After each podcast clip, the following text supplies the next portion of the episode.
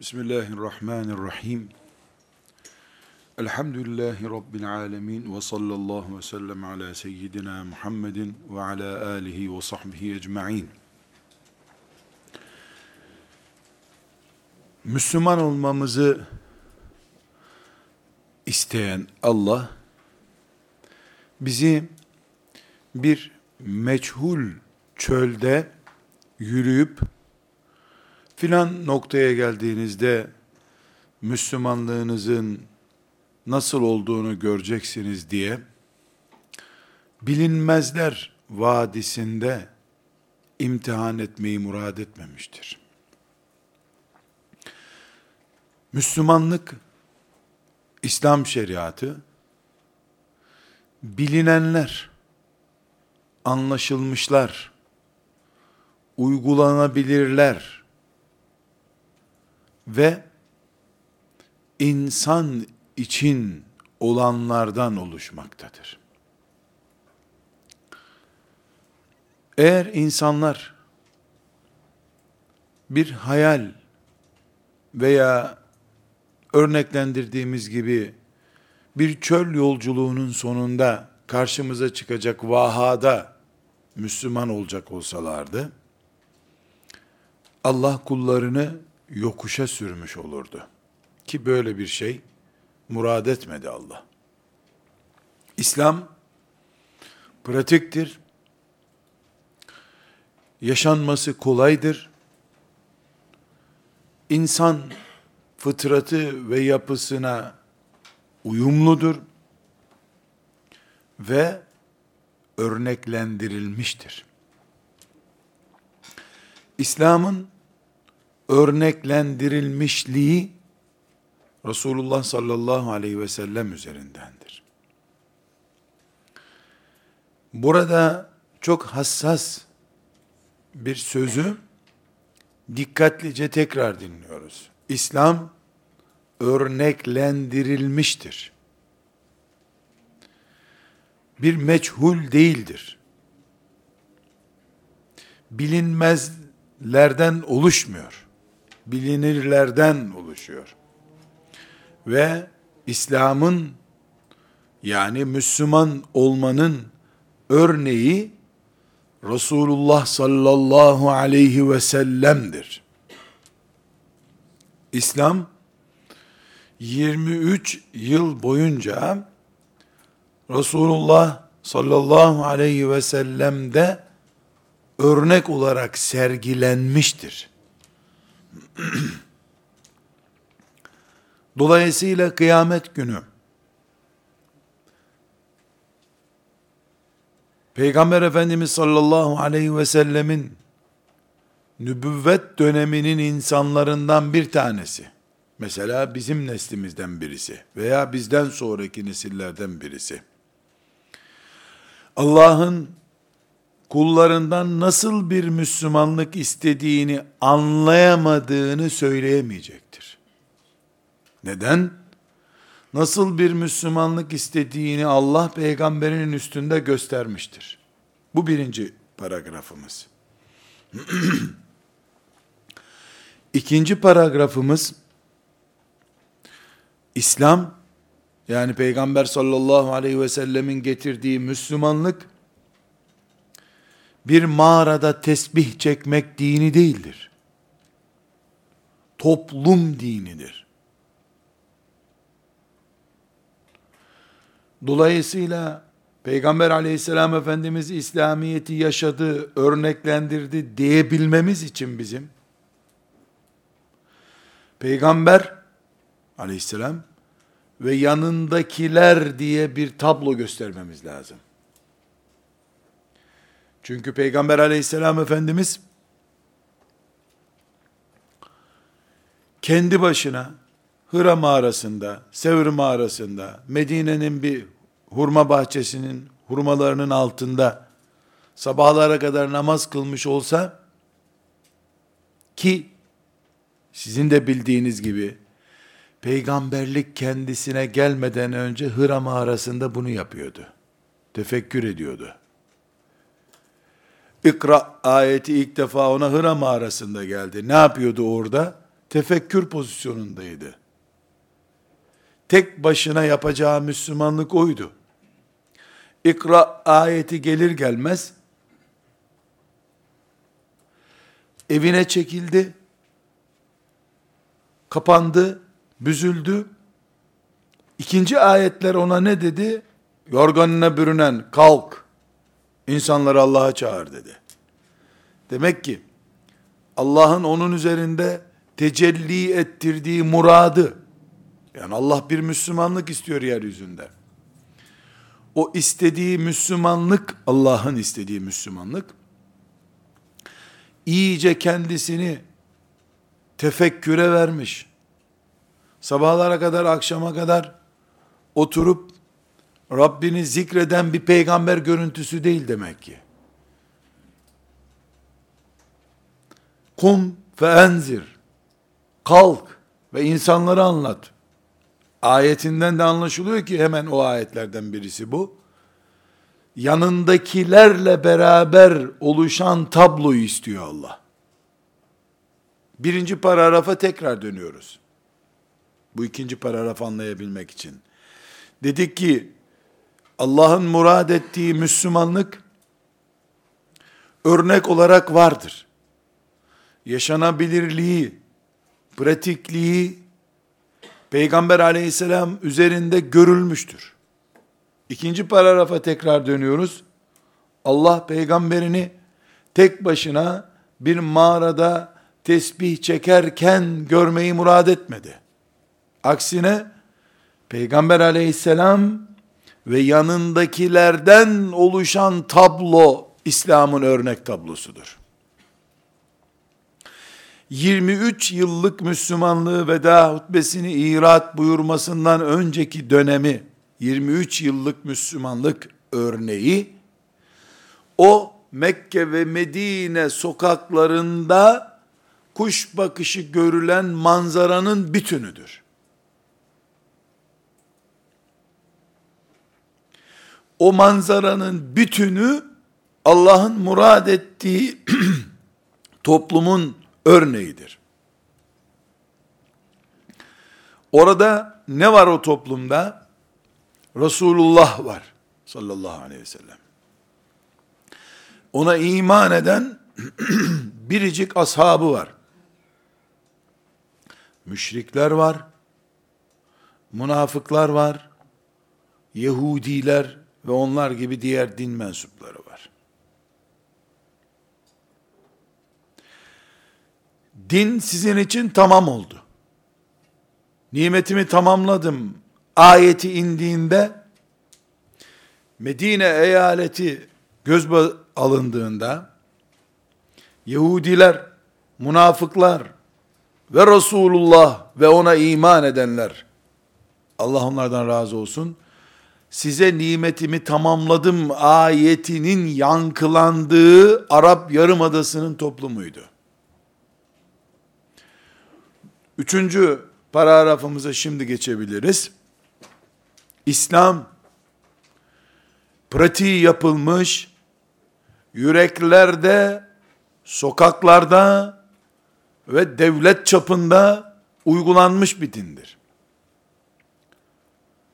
Bu nedenle İslam yaşama arzumuz ve hatta görevimiz içinde tertemiz Müslümanların necis münafıkların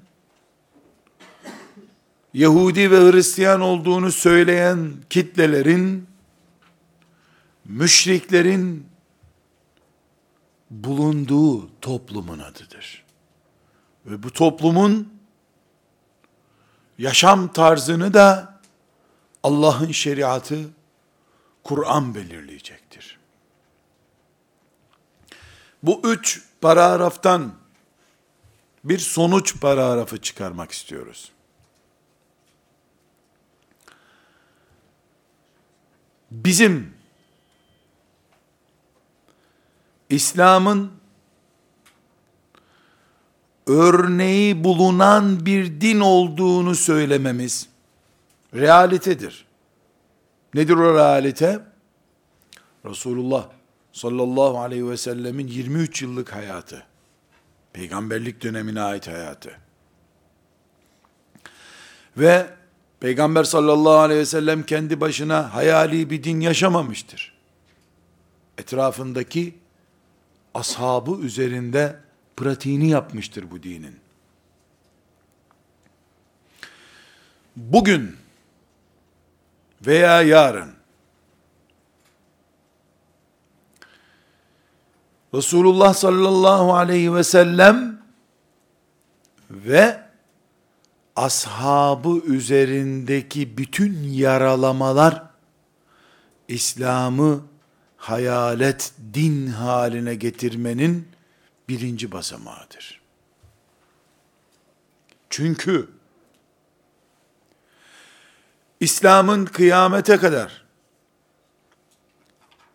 insanların karşısına çıkardığı en büyük belgesi hayalet olmayan yaşanmış ve yaşanmışlığı üzerinden de ileride yaşanabileceği belgelenmiş bir din olmasıdır. Ebu Bekir, Ömer, Osman, Ali, Enes, Übey ibn Ka'b, Talha, Sa'd bin Ebi Vakkas, Aişe, Zeynep, Sevde, Nesibe, Rukayye, Fatıma dediğimiz zaman biz tarihten isim anmıyoruz. Jüpiter vesaire diye Roma'nın isimlerini anmıyoruz biz. Ne anıyoruz? Übey ibn Ka'b dediğimiz zaman Kur'an okumayı anlıyoruz. Enes dediğimiz zaman Resulullah sallallahu aleyhi ve sellemin yanında bir çocuk Müslüman anlıyoruz. Aişe dediğimiz zaman erkeğimiz kadınımız muazzam bir tablo anlıyoruz. Saad dediğimiz zaman damarlarımızın kanı parmaklarımızın ucundan fışkıracak gibi heyecanlanıyoruz. 17 yaşında kahraman bir mümin anlıyoruz. Üsame diyoruz. Gözümüz yerinden çıkacak gibi oluyor. Biz Jüpiter'i anmıyoruz. Roma'da filan heykeli anmıyoruz. Allah'ın yeryüzüne indirdiği dini hazmetmiş müminleri anlıyoruz. Ve Allah'ın onları karşımıza çıkarışındaki hikmetin bizi kıyamet günü belgesiz bırakmak, konuşamayacak duruma getirmek olduğunu anlıyoruz. 17 yaşında Resulullah'ı savunan Sa'd bin Ebi Vakkas'ı kıyamete kadar bütün müminler örnek görmek zorundadır. 18 yaşında üniversitede Resulullah sallallahu aleyhi ve sellemin şeriatını yalnız bırakan delikanlılar kıyamet günü Sa'd'ı karşısında müthiş bir belge olarak görecekler. Bu nedenle çok ciddi bir şekilde anlamamız gereken bir hakikat vardır. Nedir o hakikat? İslam örnekli bir dindir. Hayalet din değildir. Bu örnek Resulullah'tır sallallahu aleyhi ve sellem. O Resulullah da aleyhissalatu vesselam tek başına fotoğraflar çektirip giderek din yaşamış değildir. Yaşadığı din ashabına yaşattığı dindir çünkü. O dini ashabının üzerinde pratik yaptı. Bugün biz İslam iddiasıyla yeryüzü toprağında dolaşırken vaatler üzerinden İslam konuşmuyoruz.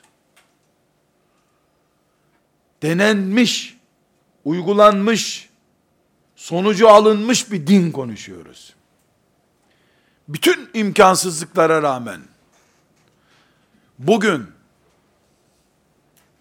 bütün imkansızlıklara rağmen 23 yılda medeniyeti kurulmuş bir din, iman ettiğimiz dinse bizim eğer, ki öyle, bugünkü bütün imkanlara rağmen,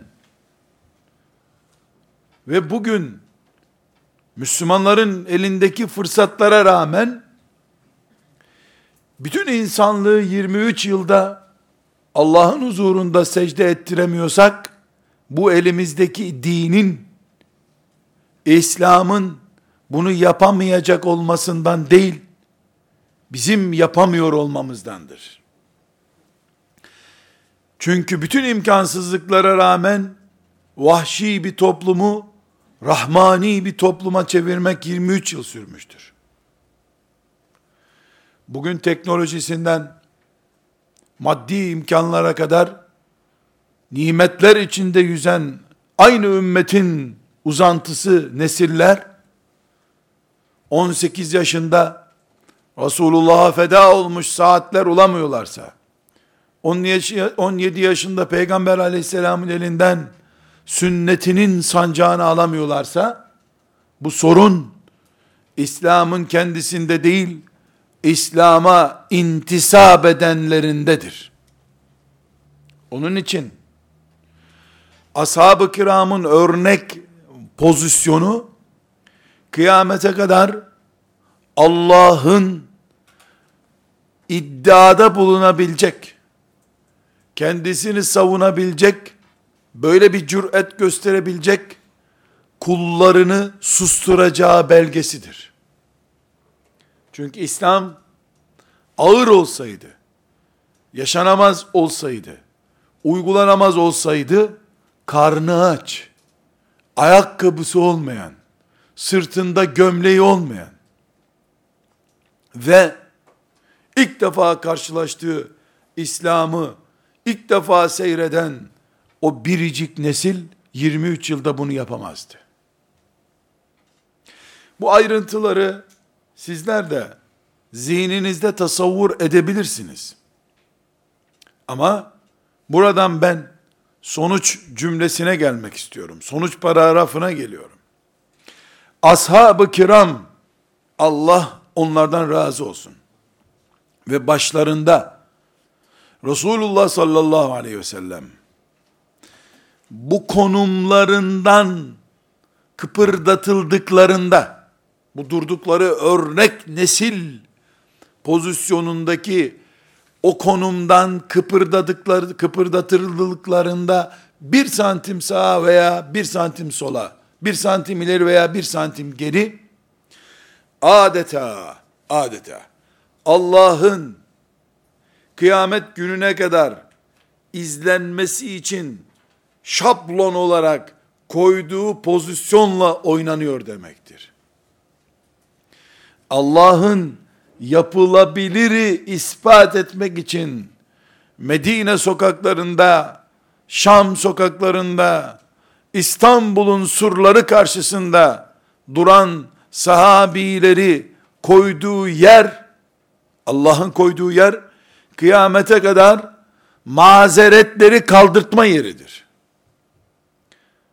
Halid bin Zeyd radıyallahu anh 80 yaşından sonra İstanbul sokaklarında hala ne arıyordu? 80 yaşından sonra Peygamber aleyhisselam evinde misafir etme şerefinden sonra Rum diyarında ne anlıyordu sorusunun cevabı bütün 80'liklerin 90'lık ihtiyarların kıyamet günü kulaklarında şamar gibi patlayacak bir cevaptır.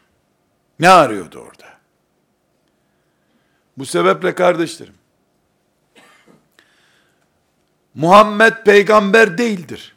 Haşa. Aleyhissalatü vesselam sözü. Ebu Bekir, Ömer, işte sempatik adamlar değil. Müslümanlıkları da lazım değil. Haşa. Sözü, kulaklarımızı ne kadar tırmalıyor ise, dolaylı olarak da hadisleri yöntemiyle, sünneti yöntemiyle veya ashab-ı kiramın şahsiyeti itibariyle o nesil üzerindeki ileri geri konuşmaların tamamı aynı sonuca götüreceği için kulaklarımızı tırmalamalıdır. Aksi takdirde bile bile imanımızı şeytana kemirtmekte sakınca görmüyoruz demektir.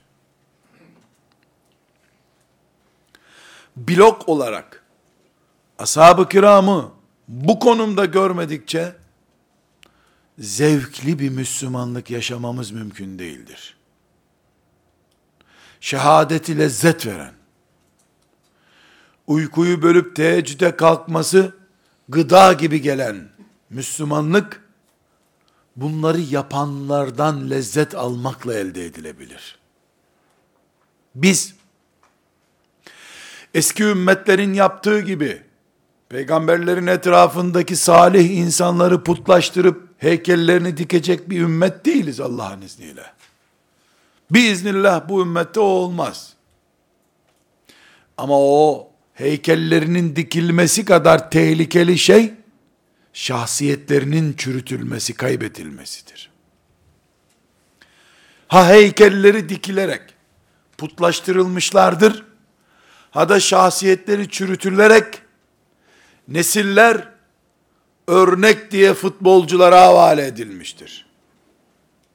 Müslümanların çocukları neden kendi ülkelerinde veya dışarıdaki futbolcuları yaşayanıyla öleniyle veya sinema aktörlerini yaşayanlarıyla ölenleriyle neden unutulmaz isimler olarak zihinlerine nakletmişlerdir? Çünkü anneler babalar muallimler becerip ashab-ı kiramı Allah onlardan razı olsun. Unutulmaz, unutulursa hayat damarlarımız kurur diye sempatik isimler, saygın şahsiyetler olarak oturtamamışlardır. Keşke Osmanlı ecdadımız Allah onları mağfiret eylesin, rahmetiyle muamelede bulunsun.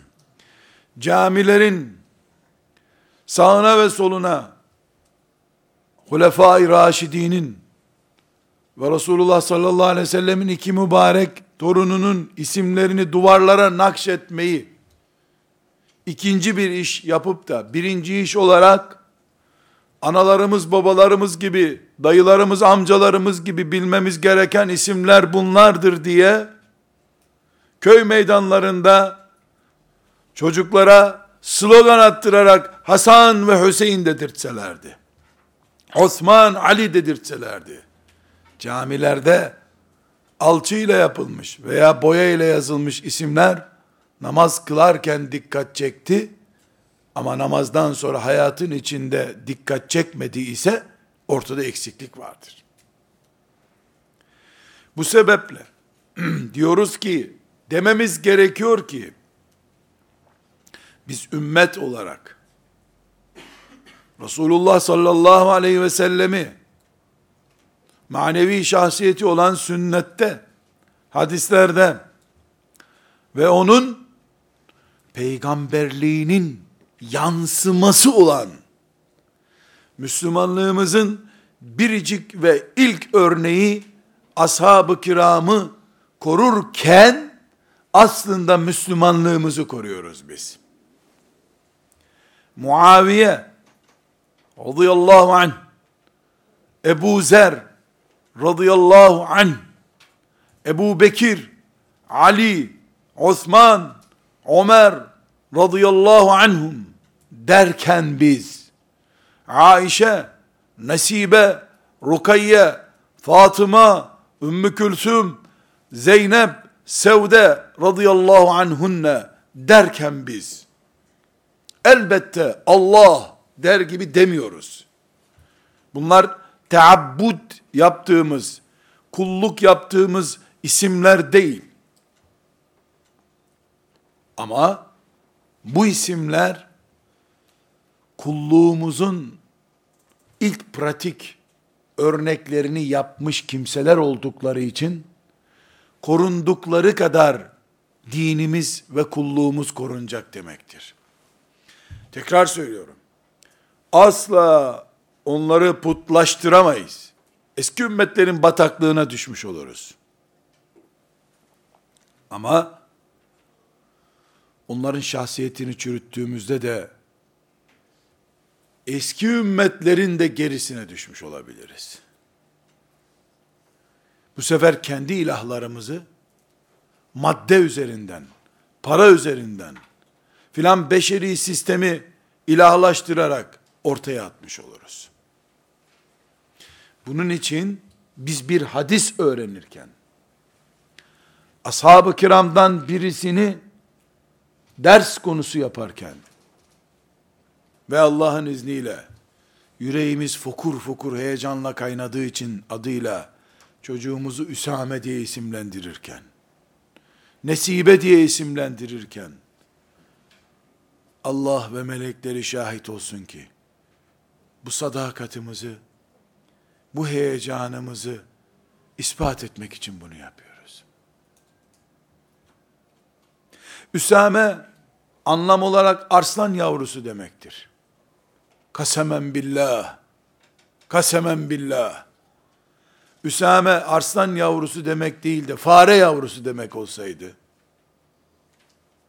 yılan demek olsaydı, hiç tereddüt etmezdim. Kırk evladım olsa kırkına da Üsame derdim. Çünkü derdim, Üsame değildir. Üsame'nin yankılandığı ses tonunun beni götürdüğü o büyük vadidir derdim. Üsame'nin imanıma getirdiği yankılanmadır beni heyecanlandıran.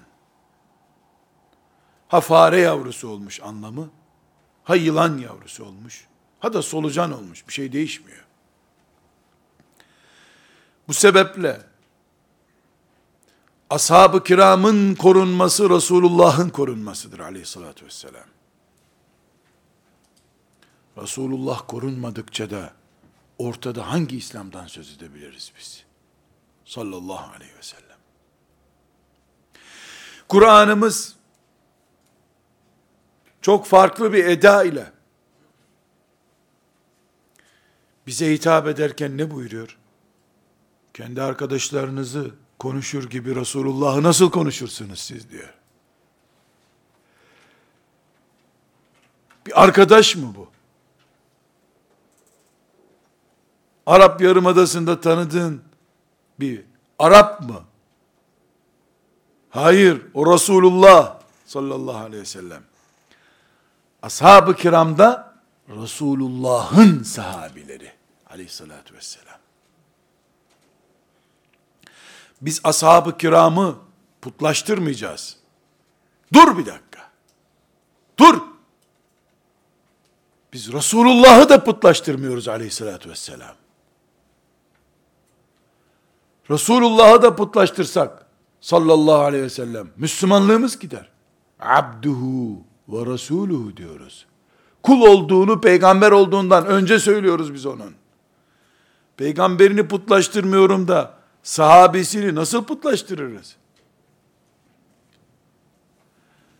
Dokunuldukça ashab-ı kirama niyetleri Allah bilir. Kim niye dokunduğunu bilemeyiz biz.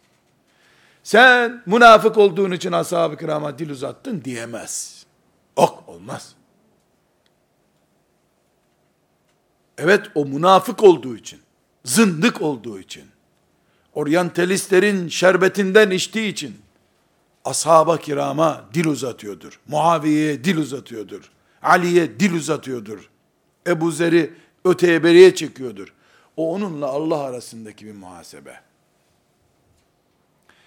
Ama yapacağı işi, dil uzatırken ortaya çıkaracağı sonucu ancak münafıklar ve zındıklar yapar deriz.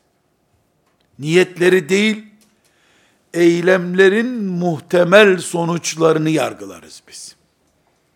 Niyet yargılamak Allah'ın işidir.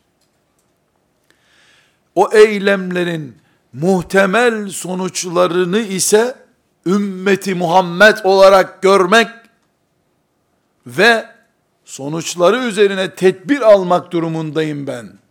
Çünkü ben Resulullah'ı korumak aleyhissalatü vesselam müdafaa etmek benim günüm için Sa'd bin Ebi Vakkas olmak Üsame olmak Übey ibn Ka'b olmak ne demektir?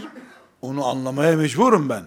Sadece Medine-i Münevvere'de Ravza-i Mutahharasını severek, koruyarak, yıkılmasın, depreme dayanıklı olsun diye ek kolanlar yaptırarak peygamberimi müdafaa edemem ki. Asıl müdafaa edilecek olan onun sünnetidir, dinidir, şeriatıdır. Direkt veya dolaylı olarak Resulullah sallallahu aleyhi ve sellemin şeriatına zarar verecek bütün ilaveler, bid'atler ve bütün çökertme, içini boşaltma eylemleri hıyanettir.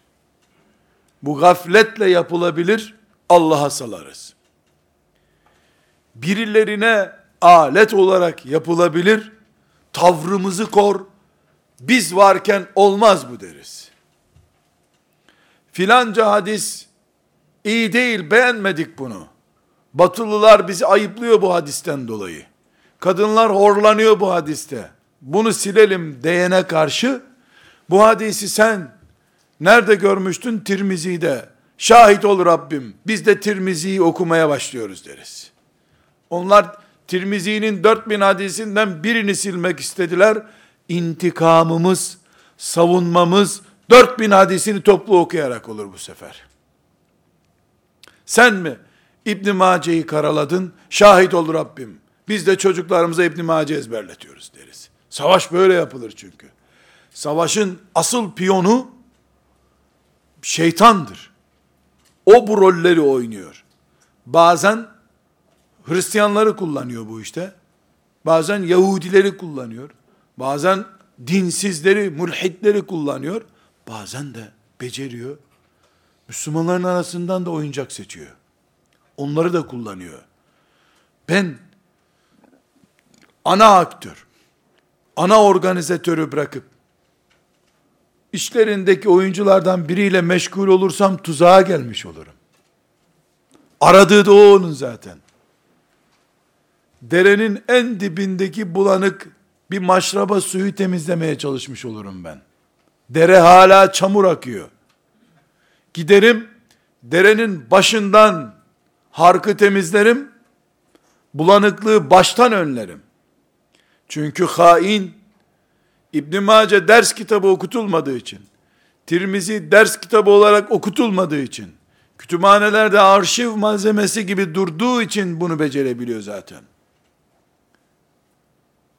Resulullah kelimesinden sonra sallallahu aleyhi ve sellem demeyi beceremeyen cuma namazına gelmiş Müslümanlar bulunduğu için o bu işi becerebiliyor. Yayarım salavatı, okurum, okuturum, ezberlerim Tirmizi'yi, İbn Mace'yi, biiznillah onun üç saldırısına bin cevap vermiş olurum. Taarruza geçerim. İblis yeni yapmıyor bu işi. Bunu daha önce Musa Aleyhisselam'ın Tevrat'ı üzerinden denedi. Ne yazık ki becerdi. Çünkü Musa'nın Enes İbni Malik'i yoktu. Bunu İsa Aleyhisselam'ın İncil'i üzerinde denedi. Ne yazık ki becerdi. Çünkü İsa Aleyhisselam'ın Übey ibn Kâb'ı yoktu. Ebu Bekir'i yoktu. Şimdi inşallah Ebu Bekirler korunulduğu sürece Enes İbni Malik'in ümmetin içindeki konumu muhafaza edildiği sürece Übey İbni Ka'b sarsılmadığı sürece iblis Muhammed Aleyhisselam'ın ümmeti üzerinde Muhammed Aleyhisselam'ın Kur'an'ı üzerinde bunu beceremeyecektir. Kardeşlerim size savaş stratejileri dersi vermiyorum. Kültürel savaşların nasıl yapıldığını anlatmıyorum. Eğer böyle anladıysanız sözlerimi dinlememiş sayın. Ben de sözlerimi geri alayım. Ama ne yapıyorum biliyor musunuz? Biraz sonra dinleyeceğiniz bir hadisi nasıl hazmetmemiz gerektiğini konuşuyorum. Hadis dinlemek nedir bizim için? Ebu Bekir şuraya gitti buraya geldi. Kim bu Ebu Bekir? Hangi Ebu Bekir?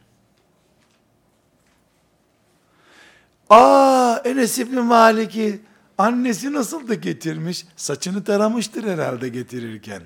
Peygamber'e götürüyordu. Kuaföre götürülmüş çocuk gibi Enes görmek yerine Muhammed aleyhisselama evlatlar nasıl kurban verildi?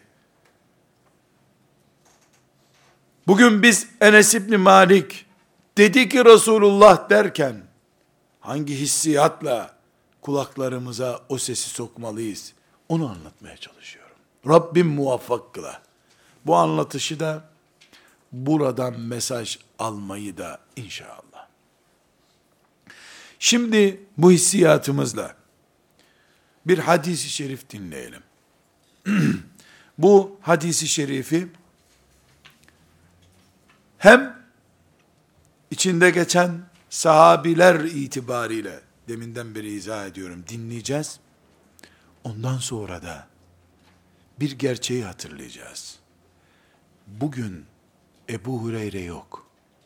İbni Ömer yok. Ömer yok. Radıyallahu anhüm. Bugün ben varım kardeşim. Muhammed aleyhisselam sallallahu aleyhi ve sellem peygamber olarak hala var. Hadisleri var, Kur'an'ı var çünkü. Bugün Muhammed Aleyhisselam'ın karşısında ben şöyle buyuruyorum, şöyle emrettim dediğinde ben var.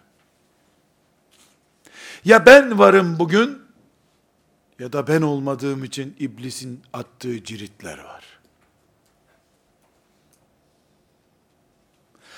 Ben varken iblis ve avanesi yok demektir. Ben eğer dinlenme modundaysam,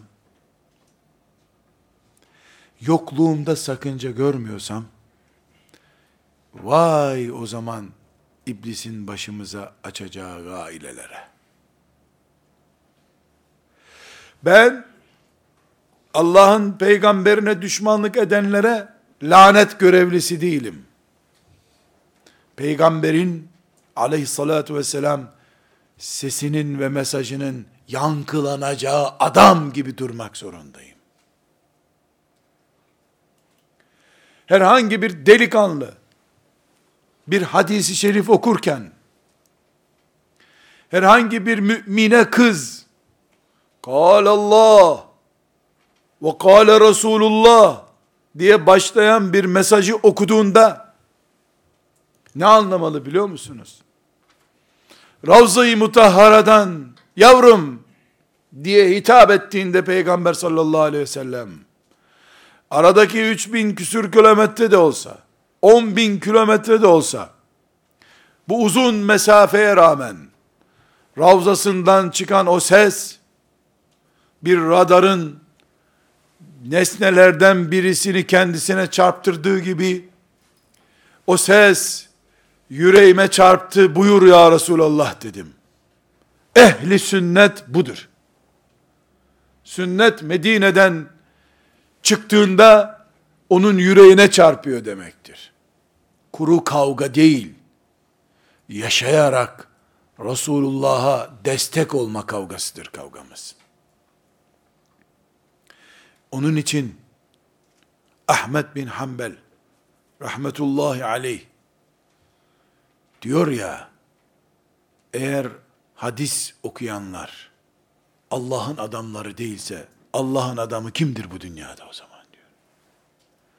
Çünkü peygamber göndermiş Allah Azze ve Celle peygamberime sahip çıkın demiş. Ebu Hureyre, Ebu Bekir radıyallahu anhuma o gün sahip çıktılar. Bugün de ben sahip çıkacağım. Bu sebeple bir hadis okumak bir gün, Erzurum'dan İstanbul'a kadar yürüyerek gelip sabahleyin o hadisi Fatih medresesinde okuyup öğle namazından önce de aynı şekilde yürüyerek Erzurum'a evine dönmeye değer mi diye sorsam bu soru bile abes bir sorudur. Ne demek değer mi? Medine'den sahabi olduğu halde ta Şam'a kadar bir hadisi sormak için gelen adamlar vardı bu dünyada. Allah onlardan razı olsun. Bir hadis için Erzurum'dan İstanbul'a kadar yürümeye değer mi sorusunun cevabı cennete girmek için ne kadar yürümeye değer sorusunun cevabıyla eşdeğerdir. Çünkü bir hadis cennet demektir. Yokluğu da maazallah cehennem demektir tabi. Böyle dinlediğimiz hadisler kederlenmiş yüreklerimizin şifasıdır Allah'ın izniyle. Yalnız kardeşlerim, farklı zamanlarda ikaz ettiğim bir hakikati tekrar ikaz ediyorum. Mesela, çocuklarla ilgili bir hadis okunduğunda, iblis ne yapıyor biliyor musunuz? Sen kaç yaşındasın diyor. 12 yaşında. Evli misin? Yok. Evleniyor mu haftaya? Yok. Bunun ne ilgisi var seninle diyor. 80 yaşındaki dedeye diyor ki, e bu tesbih mi tarif ediyor sana? Yok. Çocuklara şöyle yapmış peygamber sallallahu aleyhi ve sellem. Senin torunların yanında değil ki zaten. Kime ne yapacaksın ki? Sen tesbihini çek diyor. O hadisi dinleyip çocuğuna nasıl davranması gerektiğini anlayacak yaştaki aile reisine de sen İslami faaliyetler yapıyorsun hadis. Hadi uzmanlar okusun hadisi diyor. Böylece kökten hadisi toplumdan kaldırıyor. Ama kötü niyetle değil ha. Strateji, iblis stratejisi. Halbuki biz Resulullah dinliyoruz sallallahu aleyhi ve sellem. Benim ölümümden bin sene sonraki bir şeyi anlatsa bile, bana hiç lazım olmayacak bir şey olsa bile, bana ne ya? Yeter ki o konuşsun. Ben dinleyeyim. Gene vardır benim onunla bir bağlantım. En azından iman bağlantım vardır. Demem gerekiyor. Hadisi şerifi böyle dinleriz. Ayeti bundan da daha yukarıda dinleriz. Dinlemeliyiz. Şimdi tablo Medine-i Münevvere'de bir tablo kardeşlerim. Konumuz İbni Ömer üzerinden geçiyor. İbni Ömer kim? Abdullah İbni Ömer. Ömer bin Hattab'ın oğlu. Allah hepsinden razı olsun. Abdullah, Peygamber aleyhisselam efendimizin sünnetini en iyi bilen sahabilerden kabul ediliyor şöyle benzetirken de çarpılırım diye korkuyorum ama siz anlayın diye ben benzeteyim. Sünnet uzmanı adeta. Hani filan konuda uzman deniyor ya. Öyle bir benzeteyim de sünnet uzman. Ashabın en sünneti en iyi bilenlerinden. Bunu unutmayın. Bir kenara yazıyoruz bunu. Sünneti en iyi bilenlerinden. Ebu Hureyre bir hadis rivayet ediyor. Cenaze kılmakla ilgili. Buna İbn Ömer'in refleksini ölçeceğiz şimdi. Müslim'de 945. hadisi şerif, Bukhari'de ise 1323. hadis-i şerif.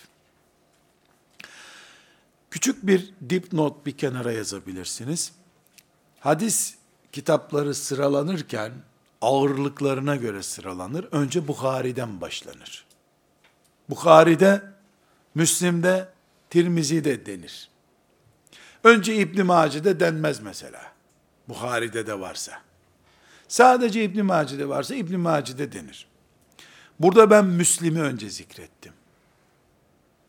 Bir incelik var burada. O incelik şu. Bu hadis Bukhari'de de var, Müslim'de de var. Bukhari'deki anlatım tarzı benim buraya aldığım tarz olduğu için öncelikle Bukhari'nin ismini değil, Müslim'in ismini zikrediyorum. Müslim'de 945. hadis diyorum mesela. Evet. Bu çok önemli mi? Hayır. Çok veya az önemli. Hadisle ilgili ya notumuzu aldık. İster az önemli olsun, ister çok önemli olsun. Ebu Hureyre radıyallahu anh diyor ki, Resulullah sallallahu aleyhi ve sellem şöyle buyurdular. Kim namazı kılınana kadar bir cenazeye katılırsa ona bir kırat vardır. Gömülme işi bitinceye kadar cenaze ile ilgilenene ise iki kırat vardır. İki kırat nedir diye sordular. İki büyük dağ gibidir buyurdu. Abdullah İbni Ömer'in oğlu Salim der ki, İbni Ömer cenaze namazını kılar ve giderdi.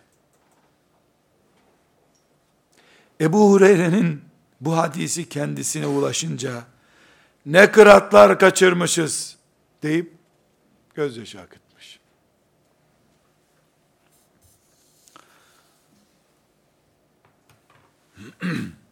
Ben bizim lehçemizle tasvir edeyim. İbn Ömer sünneti en iyi bilen alimlerden, sahabinin alimlerinden. Ömer'in oğlu bir defa. Ebu Hureyre'nin bildiği bir hadisi meğer bilmiyormuş. Sahabi de olsan, kimse son noktaya gelmiyor bu dünyada. Vay be ne kıratlar kaçırmışım ben niye diyor. Meğer bu cenazeleri kılıp mezarlığa kadar gitmiyormuş. Sadece cenazeyi kılıyormuş. Mezarlığa gitmeyince de bir kıratla kalıyor. İkinci kıratı kaybediyor. Ama gözü yaşarıyor. Neden? Hazır sevapları niye kaçırdım diyor. Şimdi biz burada hadis dinledik. Evet, bundan sonra cenazelere gitmek gerekiyormuş. Bak İbn Ömer de gitmeyerek yanlış yapıyormuş. Böyle anladıysak yanlış anladık. Bu her şeyden önce bize acizliğimizi, sakalımız da olsa, sarığımız da olsa, uzman da olsak, talebeliğin bitmeyeceğini öğretmeliydi. Bu ilk numaralı ders bu olmalı bundan. Talebelik bitmez. İbn Ömer'inki bitmemiş. İki, şu tevazuya bakar mısın?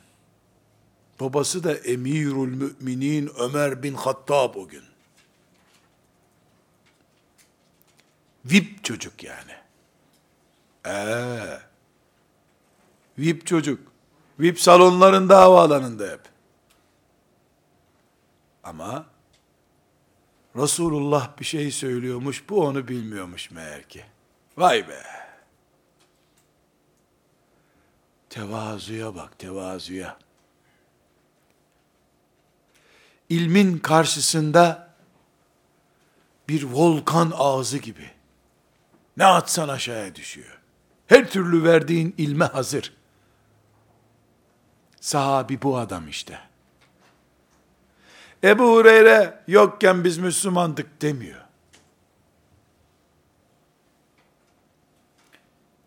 Ne diyor? Hemen anında muhasebesini yapmış. Ya ben niye mezara kadar gitmiyordum? Diye sonuç raporu veriyor. İbn Ömer zarar etti bu işten diyor. Ebu Hureyre Müslüman olduğunda Allah ondan razı olsun İbni Ömer 10 yıllık Müslümandı.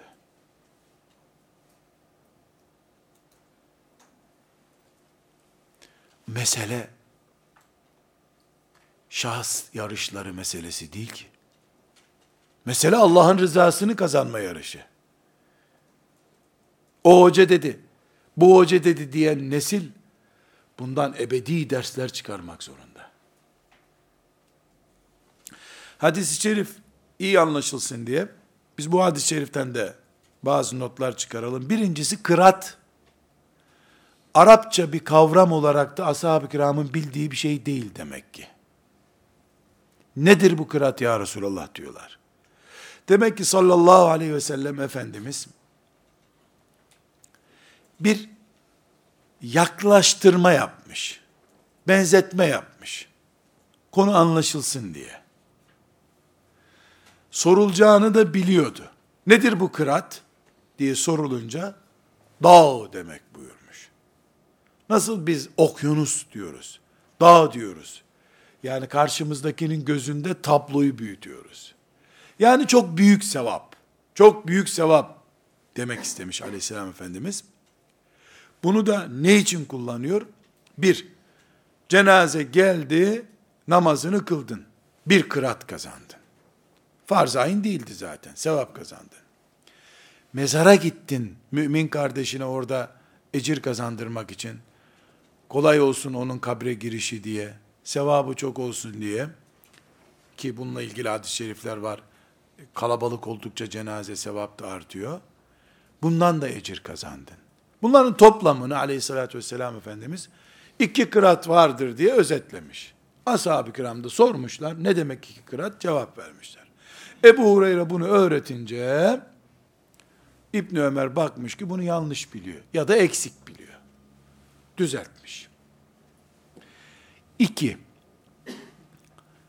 bir insan, mümin insan öldüğünde onun cenazesine hazırlık yapılır. Teçhiz denir buna. Cenazesi yıkanır, kefenlenir, namazı kılınır, defnedilir. Bunların hepsiyle ilgilenmek bu hadisi şerif ve diğer hadis-i şeriflerden anlaşılıyor ki Peygamber Efendimizin teşvik ettiği sünnetlerdendir. Ve bu adeta bir sevap kaynağı gibi konmuş Müslümanın önüne. Evde üzerindeki elbiselerin çıkanıp hazırlanıp yıkanması, kefenlenmesi, cenazesi, defnedilmesi hepsi bir görev bunların. Bunlar bu arada çok özellikle dikkatimizi çekmesi gereken bir nokta bu. Ama hadis-i şeriften çok dipnot olarak bunu yazalım. Ölüm duygusal bir sahnedir. Acıklı bir olaydır. İnsanın da duygusal anları kontrolünün zor olduğu anlardır. Mekanizması, fren sistemi zayıflar insanın. 70 yaşındayken ağlamaklı bir sahneyle karşılaşıp insan duygusallaşabilir. Bu sebeple iblisin en yoğun bid'at ürettiği pozisyonlar cenaze ile ilgili pozisyonlardır. Buna çok dikkat etmek lazım. Biz sünnetiyle aleyhissalatü vesselam Efendimizin sünnetiyle iktifa ederiz. Gerisini asla ilgi alanımıza sokmayız. Bunu unutmuyoruz. Yüz işlem yapılıyorsa cenaze ile ilgili Allah bilir ya bunun 90'ı bid'attır.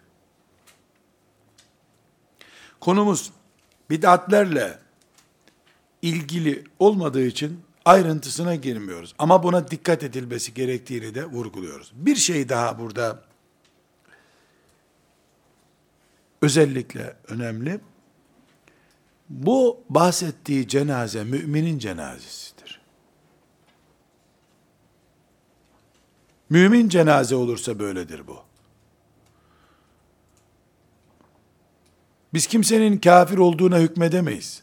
Ama camiye getirdikleri tabutun başkaları tarafından namazının kılınmasını bekliyor oluyorsa insanlar, kendileri cenazeyi bile kılamıyorlarsa, bırak camiye gelmeyi öğle namazında, acaba o tabutun içindeki de öyle biri miydi diye merak ederiz.